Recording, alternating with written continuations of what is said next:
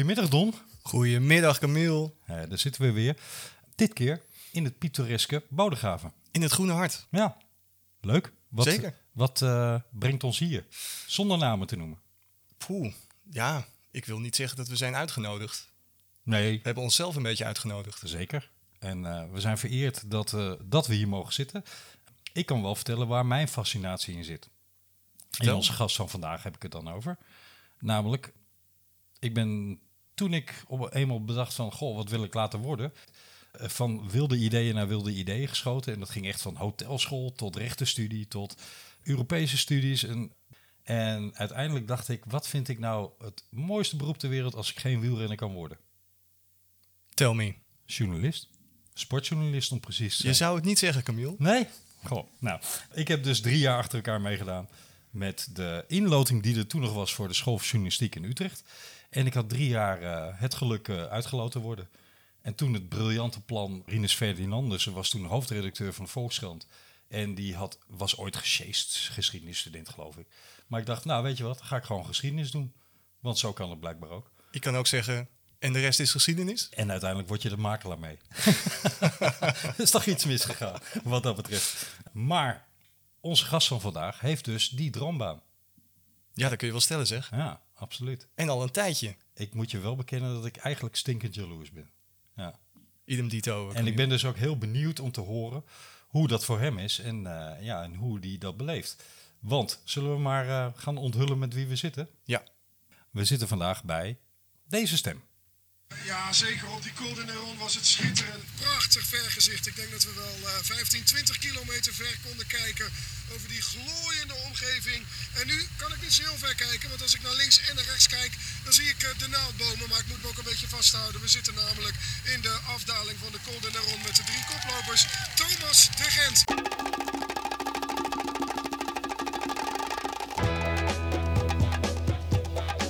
De Velofilie Podcast.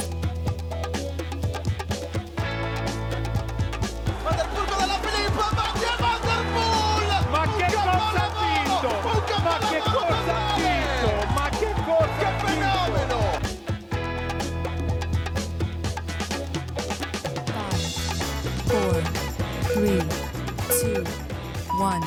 Welcome. Namelijk Sebastiaan Timmerman. Goedemiddag. Goedemiddag. Goedemiddag. Welkom in onze uitzending. Ja, leuk. Bedankt voor de uitnodiging. Fantastisch dat je, dat je te gast wilde zijn. Wil zijn. Nou ja, wij zijn eigenlijk bij hem te gast op dit moment. Hè? We zijn letterlijk bij hem te gast en hij is bij ons in de uitzending te gast. Ja, leuk. Dubbel gastheerschap. De droombaan. Ja, ja voor mij ook. Ja, ja, ik was geloof ik een jaar of eh, nou, zes, denk ik. Zeven. En toen eh, moesten we naar de schooldokter, zoals dat zo mooi heette, op de lagere school. En volgens de overlevering, want ik kan het mezelf niet meer herinneren hoor, maar dat is mij ooit nog weer eens een keer verteld. Heb ik toen geantwoord op de vraag wat ik later worden wilde. Dat ik verteller wilde worden. Niet wetende dat dat journalist heette, of verslaggever, of commentator, of wat dan ook. Maar had je, had je dat wel al als idee? Ja, ja, ja, ja, dat wilde ik toen al worden. En geen idee waarom, want het is ook niet zo dat, eh, dat eh, mijn vader of mijn moeder of een oom of tante of wat dan ook in de journalistiek zit. Ja, wel een broer van mijn oma, geloof ik. Dat het is, een beetje op die afstand. Maar niet echt in de, de nabijheid, zeg maar, in de, de dichte familie. Nee. Maar goed, eh, toch eh, wilde ik dat worden. Eh, was, ik, eh, was ik daardoor Dat vind ik wel heel interessant, want eh, ik moet bekennen dat ik het grote cliché had dat ik piloot wilde worden. Ja, Maar dat je dan op Geen die leeftijd weet dat je... Nou, nee, mijn motoriek liet dat niet toe. En ik had toen al de zelfkennis dat ik dat, eh, die droom moest laten varen. Een beetje zelfkennis eh, had ik ook de droom laten varen om piloot te worden. Maar dit vind ik wel heel interessant, dat je Ja, verhalen ik denk ook dat het komt doordat we, ik, we hebben vrij ik had veel familie in Drenthe. Mijn ouders komen allebei uit Drenthe, maar mijn vader is op jonge leeftijd eh, naar de Shell school in Pernis gegaan. Op die manier zijn mijn ouders dus in, eh, in Zuid-Holland eh, onder de rook van Rotterdam terechtgekomen. Maar wij gingen, als mijn vader, want die werkte continu vrij was in het weekend, gingen wij bijna altijd dan naar, naar Drenthe toe. En dan zorgde mijn vader natuurlijk dat we op zondagmiddag rond de klok van twee uur weer in de auto zaten op weg naar huis. Want dan begon langs de lijn. En dus eigenlijk stond standaard altijd eh, langs de lijn op tijdens die uitjes. En ik denk dat, dat ik daardoor op jonge leeftijd al wel ben gegrepen door, eh, door het vak sportcommentator. Want nou ja, daar werd ik één keer in de twee, drie weken op die manier wel mee geconfronteerd. Dat was gewoon standaard dat we daar naar luisterden. Dus ik denk dat het daardoor wel eh, ook wel een beetje is gekomen. Dan is er voor de hand liggende vraag. Je bent gezien jouw geboortejaar zeer waarschijnlijk met Theo Komen opgegroeid. Ja, da- net, net Nee? daarna eigenlijk. Net daarna? Ja, da-. Tenminste, ik, kan ik heb hem ongetwijfeld wel eens voorbij horen komen. Want ik Ja. ben van 77 inderdaad. Maar eigenlijk ben ik meer, wat ik me nog kan herinneren, wat ik me bewust ben van de ja, Leo Driessen. eh Ja. Jorrit Jorritsma heeft dat geloof ik nog gedaan. Jorrit Bergsma. Of Jorrit Bergsma is de schaatser, sorry. Ja. Jacob Bergsma. Eh, nou ja, Jacques Chapelle. Nou ja, wat ik zei, Leo Driessen. Een beetje, dat zijn de, namen die op de motor zaten toen ik, Ja. eh, toen ik jong was. En had je echt de fascinatie voor die stemmen of eh, het vak eromheen? Ja, voor het vak dat- eromheen. Ja, Ja, ja, ja, Echt wel de Tour en, eh, ja, en de combinatie met die motor in de koers. Ja. Ja, dat wil ik net vragen, want dat is natuurlijk iets heel specifieks. Ja. De verslaggever die op die motor zit, als je die hoort, dan is het ja, alsof je in de frontlinie van de, van de oorlog Ja. eh, staat. Je hoort die chaos op de achtergrond. Eh, je praat veel sneller dan de gemiddelde sportcommentator dan. Eh, ja, ja, je hoort gewoon die, die chaos. Ja, En dat greep jou toen al, toen, je, toen ja, je zo jong was. Ja, ja, ja. Ik, dat vond ik altijd geweldig. Dat waren de drie hoogtepunten, of de drie, die drie weken waren het hoogtepunt van de zomer voor mij. En ik Absoluut. vond het altijd verschrikkelijk als de Tour weer voorbij was. Radiotour met name. Ja, radiotour vooral ook. En in die tijd begon de televisie ook veel later dan televisie. Klopt. Of begon de radio altijd veel eerder dan de televisie. Dus ja, het was altijd om twee uur de radio aan. En dan rond een uur of eh, half vier of vier uur, dan ging de televisie wel eens een keer aan. Maar ik zat aan de, aan de radio gekluisterd op het moment dat het twee uur was en Radio Tour de France begon weer. En inderdaad, vanwege die motor. En dat, eh, ja, dat vond ik geweldig. Ja. Eh, waanzinnig. Ben je, ehm, los van dat je ook eh, commentaar bij schaatsen doet en bij motorsport, ben jij een sportfreak in het algemeen? Ja, ja. Ja, eigenlijk wel. Ja. Ja. ik wist ook vroeger niet echt welke sport ik wilde doen. Ik heb een beetje aan voetbal gedaan. En ik was wel een beetje van het type dat als er een EK of WK voetbal was, wilde ik weer op voetbal. En als er een EK of WK volleybal was, waar we toen nog heel goed in waren, dan wilde ik op volleybal. Terwijl ik, eh, nou, ik ben nu nog maar 1,75, dus totaal geen, Ja, je bent wel atletisch gebouwd. geen lengte. Ja, dat heb ik altijd wel een beetje gehad. Eh, en ik, dus ik, ja, ik wist nooit echt op welke sport ik wilde. Uiteindelijk is het ook wielrennen geworden. Eh, in 93, 92 ben ik lid geworden, 93. Dan voor het eerst een licentie gehad. Maar ja, daar was ik ook niet echt super goed in. Ik, ja, ja. ik deed uiteindelijk in 95 heb ik één leuk jaar gehad waarin ik eh, ja, bijna alles wel uitreed. En, eh, Hoe- hoe rolde jij, eh, 20, maar dat, daar hield het dan ook wel weer bij op. Maar hoe rolde jij dan in het wielrennen op die jonge Mijn leeftijd? Zus, die, eh, mijn zus kreeg een relatie met Maarten den Bakker. En ik, kom, ik ben opgegroeid in Abbenbroek. Dat helpt. van Rotterdam. Ja. Hetzelfde dorp als waar Maarten woonde. Daar was altijd ook al één keer per jaar een wielerronde. Dus wat dat betreft, dat was eigenlijk ook een van de hoogtepunten in het dorp. Want er viel niet zo heel veel te beleven daar. En die was altijd zo eh, eind augustus, begin september. En eh, nou, dan was ik de hele dag op dorp en eh, fietsen kijken en wielrennen kijken. En, dat duurde de hele dag, dat was geweldig. En wat ik zeg, dus eind 92 kreeg mijn zus een relatie met, met Maarten den Bakker. En dat was eigenlijk voor mij het laatste zetje om ook lid te worden van een wielerclub. En eh, nou, dat ik toen geworden. in Spijkenisse bij PSC Delta. Had je dan het, En- het genoegen om met hem te mogen trainen bijvoorbeeld? Of? Ja, ook wel. Ja, goed. eh, Soort van. soort van. Ik, ik had eh, knieproblemen gehad. Dus ik had ook een jaar bijna niks aan sport eh, mogen doen. En, dus ik begon echt ver onder nul. Niet eens bij nul, maar ver daaronder. Dus in eh 93 was ik tweedejaars nieuweling. Maar nou ja, heb ik geen eens een wedstrijd uitgereden. Dat was al moeilijk.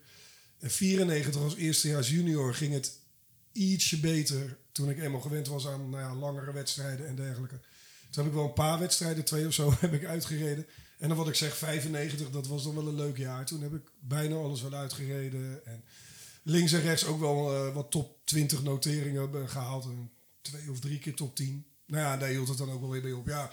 En toen werd het 96 en had ik het geluk dat ik wel in één keer eh, was ingelood voor de school van de journalistiek. Ja, In Utrecht. in Utrecht. Ja, dus eh, september 95 eh, ben ik daar begonnen. Is dat ook een jaar waarin jij werd uitgeloot? Ja, dat wilde ik inderdaad nog wel even vragen. Nee, nee. Oké. Ik, eh, ik heb in 93 een laatste poging gedaan. Ah, ja. Dus eh, ja, ik had toen mijn militaire dienstplicht al vervuld. Omdat ik dacht, nou, ben ik daar ook vanaf? Een jaar later schaften ze dat af. Ook Ja, heel leuk. ik moest nog wel gekeurd worden inderdaad, maar ik Ja. hoefde niet meer in dienst. Nee. En eh, ik heb een jaar gewerkt. En eh, ja, het derde jaar dacht ik, nou, nu moet ik gewoon iets anders gaan doen. Ja. Ja. Nee, ik, ik ben Het was wel- niet mijn plek waar je zat, Ik nee. ben, ik ben in één keer ingelood en ik had me eigenlijk helemaal niet gerealiseerd. Dat hoorde ik inderdaad pas later toen ik was ingelood en toen ik daar begonnen was. Dat dat best wel, eh, best wel knap was. Ja. En dat je dan best wel geluk had. Dus dat geluk had ik. Ja, en dan, dan begint een heel ander leven. En ik heb ook nooit de illusie gehad dat ik in het wielrennen ver kon komen. Hoor. Want wat ik zeg, ik was helemaal niet goed. Nee. Maar dan begint er een heel ander leven met, eh, nou ja, je kent het zelf wel, uitgaan op kamers. eh, noem het allemaal maar op, studeren. Ja. In optima forma. En toen kwam ik erachter dat er een heleboel andere dingen in het leven bestonden dan, eh, dan alleen maar fietsen, zeg maar. Nou, daar gaan we een mooie vraag over stellen.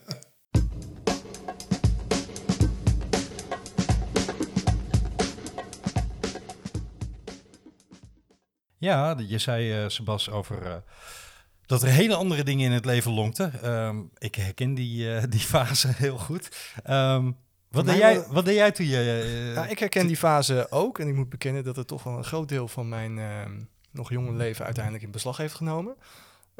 Ik ben rechten gaan studeren, zoals jij al eerder liet vallen, mhm. dat dat in je hoofd voorbij kwam. Ja. Als optie. En bij mij kwam die optie ook. En ik ben het daadwerkelijk gaan doen. Ik heb er lang over gedaan, kan ik je vertellen. Eh, dat vroeg ik me ook af. Jij begint aan die school voor journalistiek.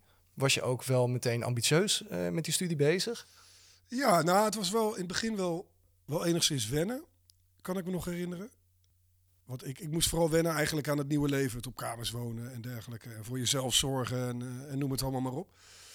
Eh, maar toen ik dat eenmaal onder de knie had en toen dat eh, een beetje zijn plek had gevonden, ja, ging het eigenlijk wel goed. Ik, heb, ik moet wel zeggen, in 97 is de school voor de journalistiek verhuisd van pand. Nou, zijn ze naar de Uithof toegegaan, het universiteitscomplex. En daar kwam ook een kroeg in school. En ik ben met achteraf gezien wel heel blij dat ik toen al de eerste twee jaar erop had zitten. Want ik weet niet of ik de studie had gered op het moment dat ik daar was begonnen, zeg maar, toen die kroeg er was. Want het was altijd wel heel verleidelijk om om drie uur daar naar binnen te stormen. Ja, jij was ook eh, een van de eerste lichtingen die verplicht een, eh propeduisjaar binnen twee jaar moest afronden. Binnen twee jaar, ja. Klopt, ja. ja. En dat redde ik net, hoor. Want ik had heel veel moeite met economie. Dat had ik niet... Ge... We dwalen een beetje af van het fietsen, maar goed. Dat had ik niet gehad op de middelbare school. Dus daar had ik heel veel moeite mee. En dat heb ik uiteindelijk... Pas ver in het tweede jaar eh, heb, ik dat, eh, heb ik dat binnengesleept. Waardoor ik inderdaad met propeduis had. Maar dat, eh, dat was echt wel een pittige klus. Nou kunnen we natuurlijk heel lang door, want dat fascineert mij, heel lang doorgaan over schroefjournalistiek en welke Ik specialisatie. denk dat het wielrennen leuker is. Maar laten we inderdaad het sprongetje maken richting jouw debuut. Want je hebt eerst bij wat lokale media gewerkt. Ja. Hè? En toen kwam ineens de NOS langs de lijn. Ja, nou dat was da- dankzij school, want ik, daar heb ik stage gelopen. En ik ben begonnen inderdaad bij eh, Radio Flaké en Radio Spijkenisse. Dat liep redelijk parallel. En daarvoor had ik geschreven voor het Rotterdams Dagblad. Maar toen was ik wel erachter gekomen dat, eh, dat ik schrijven mwah, wel leuk vond, maar niet echt mijn ei daarin kwijt kon. En toen ik dus eenmaal met lokale radiozenders in contact was gekomen en daar wat dingen had gedaan, toen eh, ja, had ik de passie definitief wel gevonden. Ja. En ehm, nou ja, doordat ik daar had gewerkt, kwam ik uiteindelijk bij eh, Radio Rijnmond terecht. Allemaal tijdens de, de eerste twee jaar van mijn, eh, van mijn studie. En omdat ik dus al bij Rijnmond werkte, op de sportredactie, mocht ik mijn eerste stage lopen bij, eh, bij Radio Rijnmond. Op de nieuwsdienst, op de Ja. nieuwsredactie. Eh, terwijl je normaal je eerste stage bij een krant altijd verplicht moest Ja. lopen.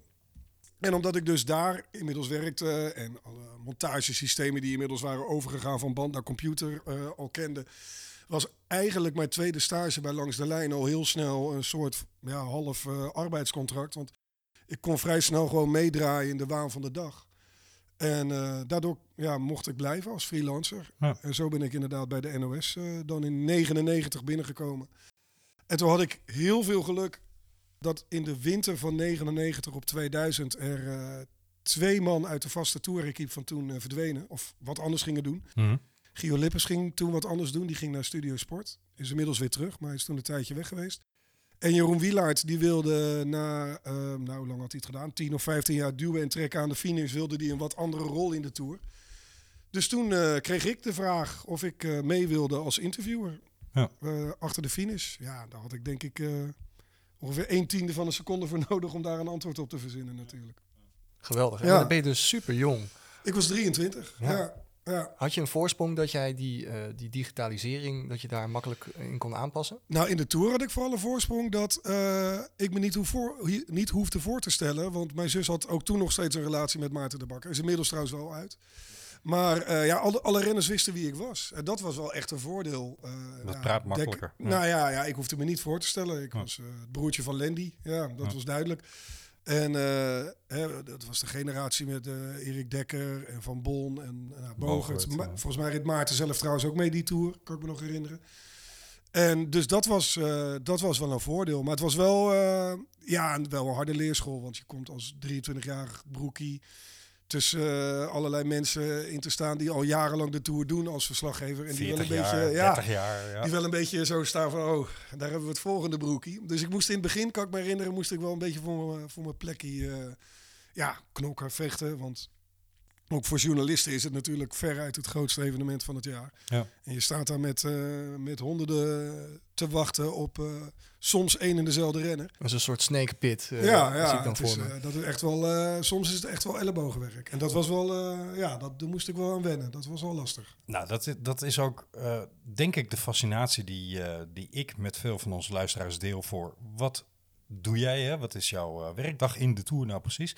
Je doet ook schaatsverslaggeving enzovoorts, maar we, eh, de Tour is toch dat magische Ja. moment, hè? Ja. Ehm, zullen we als een, een, een soort leidraad voor deze uitzending een etappe uit de Tour van vorig jaar nemen? ja, dat is goed. En we hebben jou gevraagd, goh, wat zou jouw keuze dan zijn? In, in Ja. welke etappe is voor jou het meest fascinerend geweest? En dan gaat het niet zozeer om de koers, maar om jouw werkzaamheden die dag.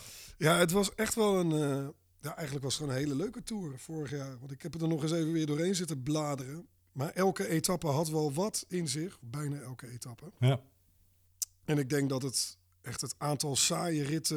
Nou, dat was misschien één of twee. Maar voor de rest was het echt een hele interessante tour. Ook journalistiek gezien. Ja, ik weet dat jij heel graag de rit van Thomas de Gent natuurlijk wil, eh, wil bespreken naar Saint-Etienne. De monster solo. ik heb wel geen pet aan, maar ik neem ze af. En die Ja. andere tien ook. Nou, en op zich, maar dat duurt natuurlijk niet zo heel lang. Die ploegentijdrit was natuurlijk ook heel bijzonder met Jumbo-Visma die Ja. daar won. Nadat Teunis al de eerste etappe had gewonnen.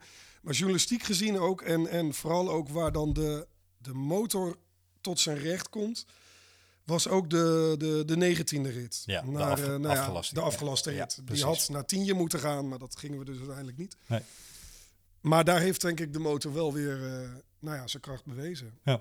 Het zou dus ehm, op dat moment ja, het kantelmoment in de Tour gaan worden. hè, Beslissende moment. Ehm, Zo'n dag bestaat eruit.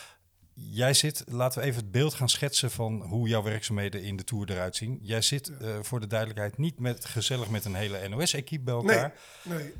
Jij, Nee. zit, jij zit vrij geïsoleerd in je rol. Ja, ik zit een soort eh, drie weken lang intern op Franse cursus. Zo eh, zou je het kunnen zien. Nee, in 2015 heeft eh, de NOS eh, nou ja, besloten om in zee te gaan met een Frans bedrijf.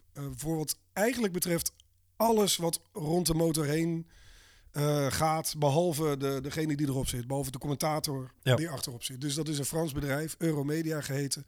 En die verzorgt gewoon het hele technische pakket voor, eh, voor de motor.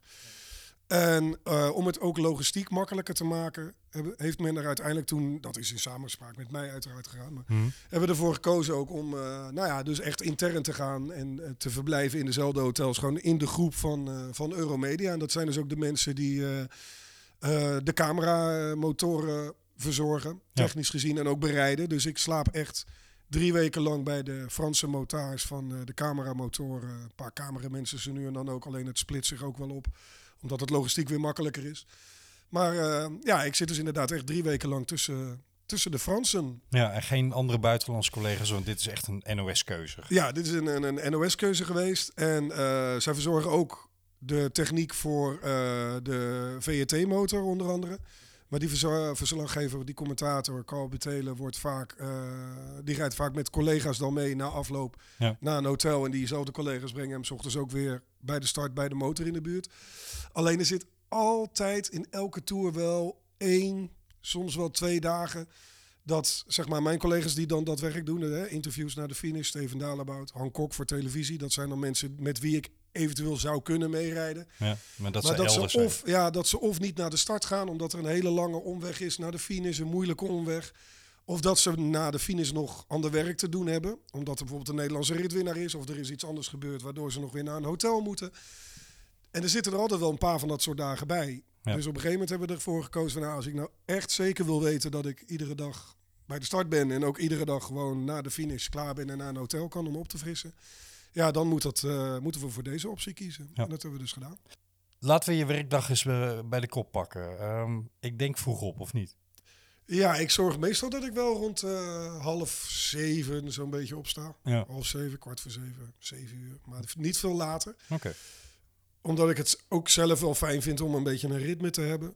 En Ben je een ochtendmens? Ja, ik kan wel, eh, ik kan wel vroeg eh, uit de veren, ja. Ja, dat lukt me wel. En slaap jij dan in, in een compagnie of in een Dat ligt eraan. Dat, Ja. ja. dat is iedere Het, dag het kan een, ellende eh, zijn, zeg maar. Ja, ja, ja, ja, ja. Nee, dat, ja. De Tour is letterlijk het ene, de ene nacht slaap je in een fantastisch mooi resort. En de, de dag daarna inderdaad op een zone industrieel eh Ja. 94520 ergens in de buurt van een, van een eh, half grote Franse stad. Dat is wel gedeelde smart met de renners, hè? Die ervaren datzelfde. Nou ja, die ervaren datzelfde. Ja. En eh, eh, wij moeten de hotels zelf regelen, of dat doet Euromedia dan uiteraard voor mij. Maar ja, nee, ook daar kom je, kom je soms in hele leuke dingen terecht, maar soms ook in, in een kot, zoals we dat wel eens noemen. Dat je denkt, nou, ik heb één nacht onvoorwaardelijk. Ja. Maar goed, dan zijn we weer door. Maar nee, meestal gaat half zeven, zeven uur de wekker. En dan hoop ik altijd dat er wel een eh, redelijk goed ontbijt eh, te nuttig is. Mhm. Ik ben altijd wel een goede ontbijter. Zeker ook omdat de lunch er vaak bij inschiet. Want dan zijn, bij- zijn wij toch met andere dingen bezig. Ja. En dan gaan we rond ehm, nou, half negen, negen uur, zo'n beetje globaal gezien, gaan we op pad. En dat gebeurt dan met auto's. Worden we met een auto naar een eh rendezvouspunt gebracht, zoals die Fransen dat zo mooi noemen. Ja. En daar verschijnen twee vrachtwagens. En daar staan eh, alle motoren in. Dus dat zijn er eh, poeh, vijf, zes voor cameramensen. En dan de motor, twee commentatorenmotoren voor de Franse televisie. Eentje voor NBC. Eh, de Belgen nemen hem altijd zelf mee. En dan onze motor. En die worden daar iedere dag weer eh, helemaal gecheckt, helemaal nagekeken.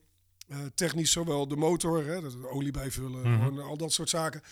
En dan wordt de hele techniek die op de motor zit, ten behoeve van de uitzending, wordt ook allemaal nog weer een keer nagelopen. Ja. Dus ja, dat duurt meestal wel eh 1, anderhalf uur voordat we daar een beetje klaar zijn. Het zijn voor mij niet het spannendste uren, want in principe heb ik daar niet veel mee van doen. Nee. Maar goed, dan kan ik nog wat huiswerk doen. En Ja. dan, eh, dan gaan we naar de start. Dat doe je sowieso al eh, gedegen. Hè? Ik, ik las dat je maanden of weken Ja. van tevoren al bezig bent met uitzoeken welk dorpje passeren we, welke informatie. Ja, dat is een beetje uit de klauwen gelopen inderdaad. maar ehm, de Tour publiceert altijd eh, aan de volgers, of geeft aan de volgers, publiceert, een, ehm, een kastelenboek, Ja. zoals dat wel eens genoemd wordt. Ja, En, de eh, kastelen van de Loire, die ja, kennen we. ja, beroemde Herbert Dijkstra boek. Ja, precies. De, de of de Le, Le Boek Commentateur heet het ook. En daar staat echt bijna nou ja, per 10 meter in waar we langskomen en wat dat eh, voor historische waarde heeft. En, maar dat is heel erg toegespitst. We noemen het niet voor niets altijd gekscherend het kastelenboek. Het is ook heel erg toegespitst op kastelen en op, eh, op kerken. Toeristische Dus- trekwijzers Ja, van ja, de Franse wel- dorpen. Ja, ja. Dus een paar jaar, en ik vind het wel leuk om, om breder te gaan. Hè. Dan zijn we met de Tour daar wel eens geweest. Of eh, wie Ja. won er toen. En een paar jaar geleden kwam ik eh, iets tegen. Dat heb ik uiteindelijk helemaal niet gebruikt. Maar eh, over, er was een of ander plaatsje in Bretagne. En daar hadden ooit drie jongens, eh, waren daar ooit eens begonnen met een heel klein popfestivalletje. Omdat er nooit wat te beleven viel in dat dorp te organiseren. En dat is nu het grootste popfestival van Frankrijk. Waar ieder jaar geloof ik 100.000 man op afkomen. Ja. Weet je wel, dat soort dingen. Ehm, dus ik vond het wel leuk om het wat breder te trekken. Dus het jaar daarna dacht ik van... Ah, en ook omdat je dan vaak 's ochtends in dat anderhalf uurtje... of de avond na een etappe hè, voor, ben je bezig voor de dag daarna... zit je als een gek nog weer dat soort dingen allemaal te vertalen en terug te zoeken. En dat zijn nou juist even de momenten dat... de spaarzame momenten dat je misschien ook even een moment voor jezelf hebt. Ja. Dus toen dacht ik het jaar daarna van... nou, dat kan ik nou, niet beter, maar ik ga het op mijn manier doen. Ja. Dus inderdaad vanaf nou ja, mei, normaal gesproken als de Tour in juli wordt verreden... dan eh, verschijnt zo'n beetje op een afgesloten deel van de website van de Tour... eh, verschijnen gewoon de doorkomsttijden per dorp. En dan is het inderdaad gewoon een kwestie van eh, zoeken, speuren en zelf zoiets in elkaar eh, Ja. zetten. En dat kost wel tijd, ja. En Daar dat, ben ik wel een eh, week of drie zoet mee. dat ga je dan, voordat je op de motor stapt, neem ik aan, neem je dat nog even door. Hè? Van wat, wat heb ik hier ook weer over Ja, precies. over? Ja, ik print het soms uit en het staat sowieso in uh, nou, lang leven Dropbox. Dat uh, is een Ja. fijn, uh, fijn systeem tegenwoordig of een andere cloud, wat dan ook. Maar, uh, en op die manier heb ik dat inderdaad bij me en kan ik daaruit putten. En het hangt er een beetje vanaf hoor, want als het een, een vlakke, nou ja, voorspelbare rit is na een, naar een massasprint toe, dan gebruik ik er best wel veel uit.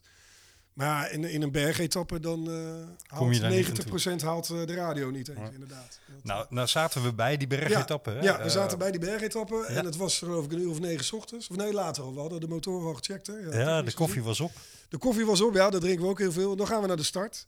Die is in de Tour globaal rond een uur of ja, twaalf zo'n beetje, rond het middaguur. Laten we dat maar aanhouden. En daar zijn wij meestal anderhalf, soms twee uur van tevoren. Eigenlijk net tussen het moment dat de reclamekaravaan vertrekt en dat uh, de bussen van de teams arriveren. Nou, dan heb je nog eventjes uh, 20 minuten, half uur de tijd om in het VIP-dorp een kop vreselijk smerige koffie over het algemeen naar binnen te gooien. Maar ja, het is koffie, dus het gaat er toch maar in. En uh, even met de collega's te babbelen. Want dat is een van de weinige momenten dat ik mijn directe collega's zoals Steven Dalebout en Han Kok zie en spreek.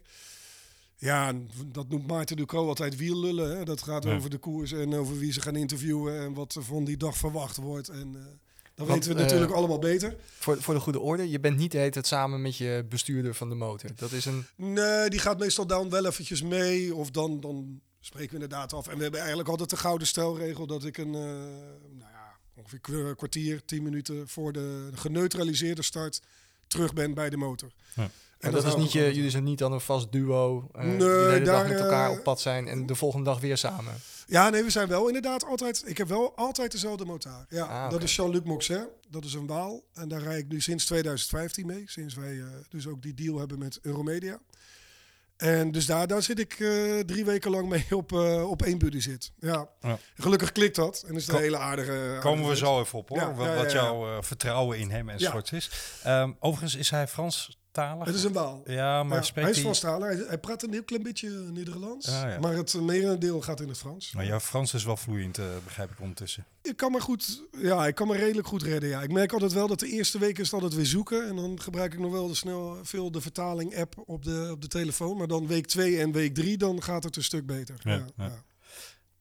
Even een zijsprong, want er is natuurlijk, eh, ja, dit jaar wordt alles overschaduwd en overheerst door het coronanieuws en eh, uitgestelde koersen. Maar de afgelopen jaren was veiligheid en eh, met name ook een aantal ongelukken in het peloton natuurlijk wel een hot Ja. item. Motorrijders hadden daar een discutabele rol in de zin Ja, ja. hoe de renners erover dachten. Hè? Heb je daar iets van gemerkt, van een veranderende houding naar jullie toe? Ja, ja, ja, nee, zeker. Ehm, nou, het is nu alweer, het is nu alweer genormaliseerd. Hoor. Ja, het is En, iets eh, achter de rug. Hè? Ja. Ja, en, en de, de, maar in het begin, en zeker na het ongeval eh, waar eh, Antoine de Mortier bij om het leven is gekomen in, in Gent-Wevergem. Ja, dat was ook natuurlijk gewoon een heel noodlottig ongeval. Ehm, van horen zeggen, ik bedoel, de feiten heb ik ook alleen van, van, van horen zeggen, maar hij kwam ten val. En de motorrijder die achter de groep reed, eh, motorrijder van de Belgische Wielenbond, notabene een officiële motor, die, eh, ja, die reageerde erop, die remde, die, die kwam in ieder geval ten val. Dus of daar iets geblokkeerd is in dat systeem, dat weet ik niet. En die is op hem terechtgekomen. Ja, dat is natuurlijk dat is verschrikkelijk. Ja. Dat is een verschrikkelijk noodlottig ongeval. Maar ik weet nog, een week daarna, eh, toen was de Ronde van Vlaanderen. En dat was, toen was ik echt blij dat die wedstrijd voorbij was. Want Dat was geen ja, pretje toen waren we, nou ja, we waren eigenlijk een soort criminelen op, eh, op twee wielen. Je was echt Ja. de kop van Jut. Ja, ja, ja. Zowel langs de kant bij, eh, bij wat toeschouwers, maar vooral ook in de koers. En eh, nou, dat was echt niet leuk. Ik weet echt, er, was toen op een gegeven moment een situatie met een ploegleider. Die, eh, nou ja, was, was vrij in het begin van de wedstrijd. En wij kwamen achter het peloton terecht. We hadden wat technische problemen gehad, dus we hadden wat dingen moeten resetten. En dat was een editie dat het ook heel lang duurde voordat er een kopgroep weg was. Dus het was wel vrij hectisch in het begin. En eh, we waren onderweg naar de eerste kasseistrook in de buurt van Oudenaarde. En ehm, eh, daar reden we op. En we reden uh, genezen in de eerste positie achter het peloton. We reden achtste of negen. Dit zeg maar ter hoogte van wagen acht of negen of zo. We hadden echt wel bewust wat ruimte gelaten. Ja. En we hadden ook op dat moment genezen een uitzending nog. We waren juist de boel aan het opstarten. Mhm. En er kwam een ploegleider naast ons. Nou, die schot ons helemaal verrot. Oh, ploegleider. En, en, ja. ja, ja, ja. En, maar dat ik ook echt dacht van, maar waarom? En ik dacht eerst dat hij een geintje maakte, maar dat bleek dus helemaal niet zo te zijn. Ja, en ik weet eigenlijk tot op de dag van vandaag nog steeds niet wat we daar nou fout deden. Want wij reden daar, we reden, reden geen renners bij ons in de buurt. eh, eh. maar er was echt toen, en dat heb, daar heb ik het ook wel eens met, met Renaat Schotten, toen kan ik me nog herinneren, toen Ja. de afloop van de koers, dat het voor de VT televisie op de motorzit over gehad. En die had het toen ook die dag zo ervaren. Hij zegt, nou, dit was echt geen leuke dag. Dat was zo... eh, En was dat ook onder de coureurs dan? Dat die, eh, mm, nee, meer dat, de Cipollini-bidons vlogen jullie niet nee, in de dat? Nee, niet. nee, Nee, nee. dat niet. Dat niet. Dat, dat viel toen wel mee. Want ik, dat was meer echt de volgerskaravaan die daar gewoon... Ja, iedereen liep op, op eieren toen. Dat merkte je gewoon heel erg. En de, de focus, de nadruk lag er natuurlijk ook heel erg op, op het gedrag in, eh, in de wedstrijd.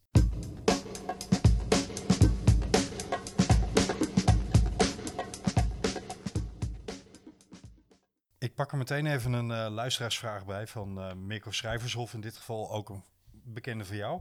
Heb je ooit echte pijn ervaren in het peloton? En dan met pijn kunnen we dat in letterlijke zin opvatten, maar ook in overdrachtelijke zin.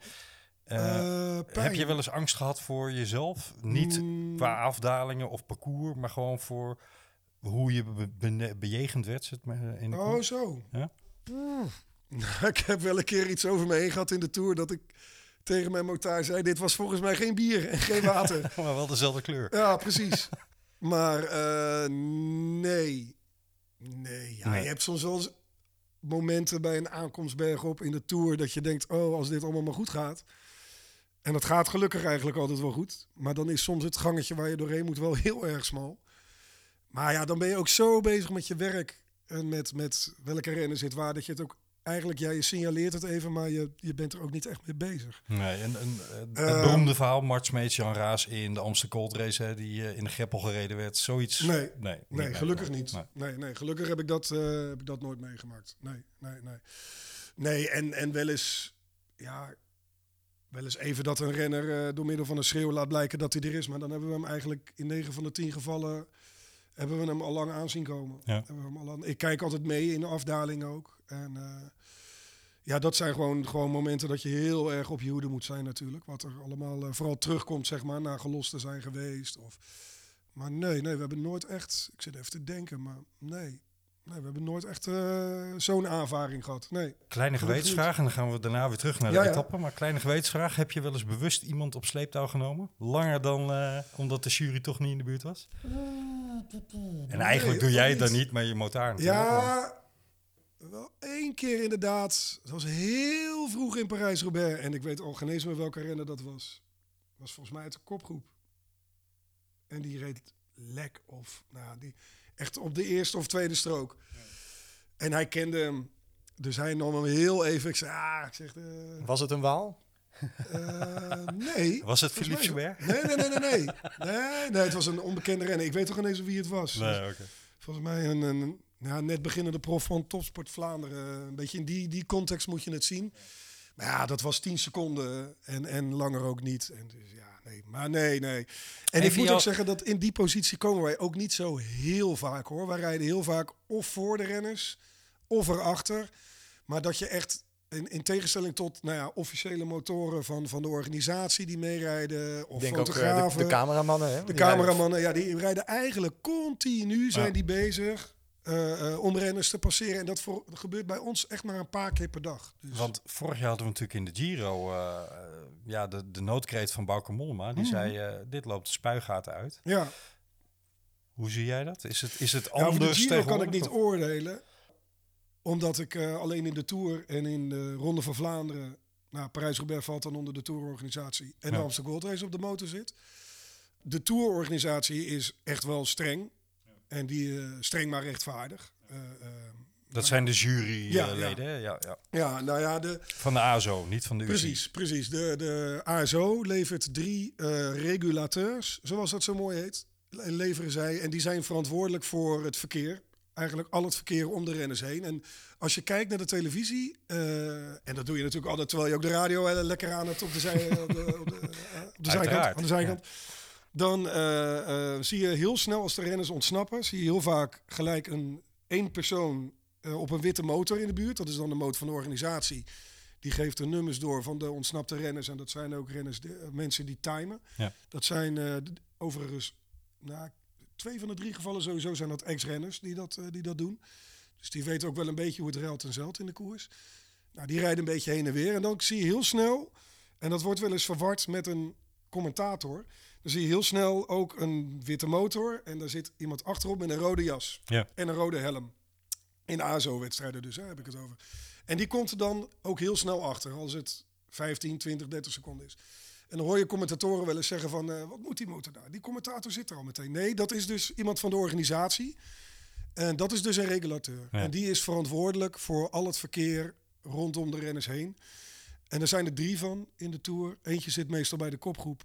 Eentje zit er altijd voor het peloton. En eentje rijdt er achter het peloton. Ja, en die bepalen wat wij mogen. Ja, En die geven jullie seintjes Ja, van die eh, geven je mag orders. En, ja.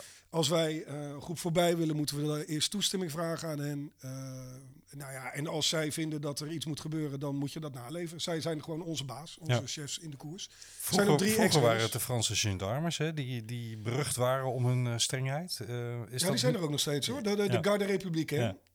En natuurlijk, als, als, eh, maar die houden zich eigenlijk meer bezig met de veiligheid voor de renners. Hè? De, de, de gele vlaggen op de gevaarlijke posities. Ja. En bij, eh, bij beklimmingen zorgen zij dat de, de, als de fans gaan meerennen, ja, dan zie je ze heel vaak die Garde Républicaine gelijk tussen beiden komen. En de mensen opzij duwen. Ja. Die houden zich niet zozeer met ons bezig. Nee. Nee, nee, nee. nee, nee. Dat zijn echt wel die regulateurs. En dat zijn, ook, dat zijn ook drie ex-renners trouwens die dat doen.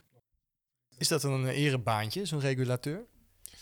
Nou ja, ik, ik denk dat het voor zo'n ex-renner best leuk is om dat te doen, inderdaad. Ja, ja, ja. En, en eh, je merkt ook wel dat eh, het zijn, zeker als ze op een gegeven moment ingespeeld zijn, zijn het goede ja, liaison, om maar eh, Franse woorden te gebruiken. Een goede verbinding tussen ons en tussen de organisatie. En ik kan me bijvoorbeeld herinneren, dat was met Jean-Michel Monet. Dat was een, is ook een ex-barenner. Die is nu verantwoordelijk voor de VIP-wagens in de, in de koers. Maar die was dus ook regulateur toen ik net op de motor zat. En dat was 2009, denk ik. De etappe naar Perpignan. Verclair won. En Albert Timmer, ik denk dat 9 was. Albert Timmer reed daar heel lang nog op de tweede plek. Die kwam uit de kopgroep. En dus je had, nou ja, het was al tegen het einde. Je had Verclair en dan 10, 15 seconden daarachter reed Timmer. En een seconde of 30 daarachter reed het peloton. Ja. Dus op een gegeven moment moesten wij er voorbij. En, en nou, wij wilden er ook voorbij. En toen kwam, eh, kwam die Monet, die liet zich weer afzakken. Die kwam naast ons rijden. En, ja, uh, Peba, n'est-ce pas? Oui, oui, oui, pour Timmer. Oké. En hij kende, ik reed toen met, eh, met de, de veel te vroeg overleden René Wuikens, een Vlaming. En eh, nou ja, die, die kende ook die Monet heel goed. Want René heeft jarenlang, ook voor Cor Vos, heeft hij meegereden in, eh, in de Mhm. koers. En eh, dat hielp ook echt. Want hè, Monet nou, zag René. eh, en die zei toen ook, oké, jullie mogen hier blijven bij Timmer. Maar goed kijken, hè. En dan wees hij weer naar achter. Ja. Ver. En, en wanneer, je wanneer je het peloton te dicht ziet komen, wegwezen. Ja, nee, oké. Dus we hebben echt daar toen, met dank aan, eh, aan die Monet, hebben wij daar een, eh, ja, een minuut of tien of zo nog eens enige zo'n beetje bij, eh, bij Timmer mogen rijden. En zelf timen. En, totdat inderdaad peloton te dichtbij kwam. En toen was het ook laatste vier kilometer, dus toen moesten we wegwezen. Ja. En nou ja, weet je, dat, als je een goede regulateur hebt, die voelt wel aan wanneer wat kan. Sowieso in de Tour. hè, Dat Ja, als je elkaar kent, dat helpt altijd. Ja, nou, je moet je gewoon aan de. Als je elkaar kent, als je je gewoon netjes aan de regels houdt. Ja. Dat, dat werkt wel. Ja. En eh, je moet de tijd van dat je heel erg kunt piraten, dat is echt wel voorbij. Ik zat, eh, nou ja, door de coronacrisis komen al die wedstrijden weer voorbij. Eh, laatst naar Luik Bastenaken Luik van eh 99 te kijken. De editie van de Broeken. Ja. Ja, en die demereert dan op Saint-Nicolas bij Bogertweg. Rijdt hij weg.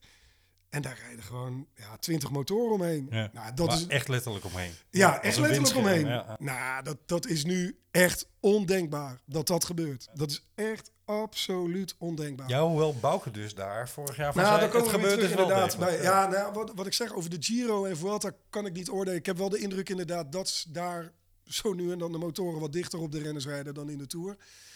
Maar Nou, dat, wat, wat daar, daarom denk ik ook wel dat het echt wel veranderd en Ja. verbeterd is. Ook als ik het bijvoorbeeld vergelijk, eh, de aanlopen naar, naar massasprints. Begin deze eeuw, toen eh George Freulen nog op de motor zat. Ja. Ik heb eens ook wel eens op YouTube wedstrijden teruggekeken. Nou, dan zie je gewoon in de laatste drie kilometer rijden gewoon nog vijf, zes motoren. Ja. 200 meter voor het peloton of soms zelfs 100 meter. Ja. En die geven dan eh, op het laatste moment een beetje gas. Hup, gaan allemaal keurig netjes de afleiding in en de pelotonsprint rechtdoor. Nou, dat is nu ook echt ondenkbaar. Er is nu echt de laatste 10 kilometer mag er nog maar één motor direct voor het peloton. Is de cameramotor en de rest moet echt wegwezen. Als je dat niet doet, krijg je onherroepelijk een carte rouge. Of Ja. na de eerste keer moet je je melden in de permanence. En de tweede keer heb je echt een rode kaart te pakken. Dan ben je gewoon een dag uit koers. Ja, precies. Dus eh, beelden van een motor die midden op de Koppenberg in de Ronde van Vlaanderen het hele peloton eh, laat vallen, dat zal niet meer zo snel gebeuren. Nou, hè? kijk, de, een motor kan altijd stuk gaan. Ja, Hè? dus, dus ik bedoel, je kan altijd stil. Wij stonden vorig jaar, welke klim was dat ook alweer? Ik weet niet meer welke klim dat was, maar hadden we ook in één keer eh, iets met de motor. En er was, was geloof ik oververhit of zo. Gelukkig was het vrij snel daarna weer voorbij. Hm. Ja, wij reden achter een groepje. En in één keer ook was het, hey, oh, hey, de motor doet niks meer. Ja. Shit. En ik keek achterom en eh, daar kwam Nibali met een groep aangereden. Ja, wat doe je dan? Eh, je, steekt, je doet je arm omhoog. Dat is eigenlijk altijd het teken in de koers, we staan stil. Ja. Dat kennen denk ik de meeste renners ook wel. Ja, dus Nibali die riep ook wel wat. Maar ja, ik, keek ook, ik wees ook niet in de motor van ja, hij doet het niet meer. Ja, daar kan je niks aan doen dat je op dat moment... Gelukkig deed hij het eh, drie, vier, vijf minuten later weer. Iets in de zin van Keer Kaatso. Nee, ja, hij, hij- uiteindelijk uh, hij maakte één keer uh, een opmerking en dat was het ook. Hij draaide zich ook niet meer om. En andere renners ook, die reden er gewoon keurig omheen. En wij hebben heel snel die motor naar de kant geduwd. Dus ja, er kan altijd wel een keer wat gebeuren. Ja. Ja. Trouwens niet, dat was geloof, geloof ik niet de etappe waar we het over hadden. Maar, uh, Nou, mooi, mooi bruggetje. Ja, precies. Terug naar de etappe. ja, ik, ik, ik we, we zijn inmiddels op de motor vertrokken rond een uur of twaalf. Ja, tien minuten van tevoren ben ik altijd bij de start. Ja. Of uh, ben ik uh, terug bij de motor. En dan, dan gaan we op pad. Um, rijden we meestal wel, zeker als de start rond 12 uur is, rijden we nog wel een kilometer of nou, 30 zo'n beetje vooruit. Zodat, uh, het hangt wel een beetje van de etappe af trouwens. In de bergrit rijden we niet zo heel ver meer vooruit, omdat het dan ook uh, vaak wel van A tot Z live op tv is. En ik kan ja. ook voor tv dingen doen. Uh, maar in een wat vlakkere etappe, dan rijden we nog vaak wel een stukje vooruit, zodat we eventueel erg nog even een sanitaire stop kunnen doen. Ja. Of in het mooiste geval, het gunstigste geval, even ergens een broodje kunnen kopen of een kop koffie zelfs nog even kunnen drinken. En dan pikken we weer in rond, uh, ja, rond, rond half één, één uur. En dan, uh, is dan dat, vanaf dat moment zitten we in koers. Als het een bergetappe is die meteen uh, vanuit het vertrek Ja, dan zitten we klimmen. echt vanaf het begin in, ja, in precies. koers. Dan, ja. dan verandert dat uiteraard. Ja, dan verandert dat uiteraard. Ja, ja, ja. En zeker nu ook wij, uh, voor, nu ik voor tv dingen kan doen, uh, bij televisie-updates kan geven, dan, dan, ja, dan is het gewoon journalistiek gewoon belangrijker om meteen in koers te zitten. Ja. Dat is een mooie aanleiding voor geweest, hè? dat die updates uh, nu ook op televisie te horen zijn. Had iets met 2013 volgens ja. mij gaan doen. Hè? Ja, klopt ja. Ja. Ja, ja. Dat was in de Tour van Bouwen-Lau. Ja. En uh, dat was de eerste bergrit, volgens mij naar Ax, Trois Domaines, zeg ik uit mijn hoofd. En daar werden... Die, wie komt daar nou ineens aan? Nou ja, precies. Ja, daar reed uh, een Fransman op kop, daar, daar zat ik aan te denken, maar ik kom niet meer op zijn naam. Maakt ook niet uit. Maar in ieder geval, de, er was een kopgroep geweest en daar zaten ongetwijfeld twee of één of twee cameramotoren bij van de Franse televisie. En dan had je Froome en Contador en dat lag allemaal uiteen. En daarachter reden Mollema en, uh, en Tendam. Ja. Buiten beeld. Ja. Maar helemaal niet ver achter Contador. En uh, dus op de radio zaten Gio en ik eigenlijk continu uh, wat wij dan pingpongen noem, noemen. Hij een minuutje, ik een minuutje, hij weer een minuutje, ik weer een minuutje. En wij, ik zat de hele tijd te timen. En, nou, oh ja, ze rijden nu ongeveer 20 seconden achter Contador. Ja, ze rijden nu, uh, ja, ze komen dichterbij. Gio. Dus wij waren op de radio een half uur lang uh, bezig, hè, die spanning op te bouwen. En ze komen dichterbij en bladibla. Terwijl op tv inderdaad, ja, zag je gewoon niet, want het was niet in beeld. Nee. Waar Mollema aan Dam reden. En inderdaad, de laatste kilometer was geloof ik, sloten ze weer aan. Ja, minder zelfs. Of minder zelfs, ja. laatste paar honderd meter. Ja. En daar hoor, dan hoor je dus uh, Maarten Ducro of Herbert Dijkstra, een van de twee, hoor je dus zeggen, waar komt die nou vandaan? Ja, ja dat is natuurlijk raar. Dat, dat, toen heb ik ook gezegd van jongens, het moet toch mogelijk zijn om... Uh, Met de moderne techniek. Ja, precies. Om dat makkelijker te kunnen, kunnen verzorgen. En dat, dat is toen, uh, nou, daar is toen voor gezorgd.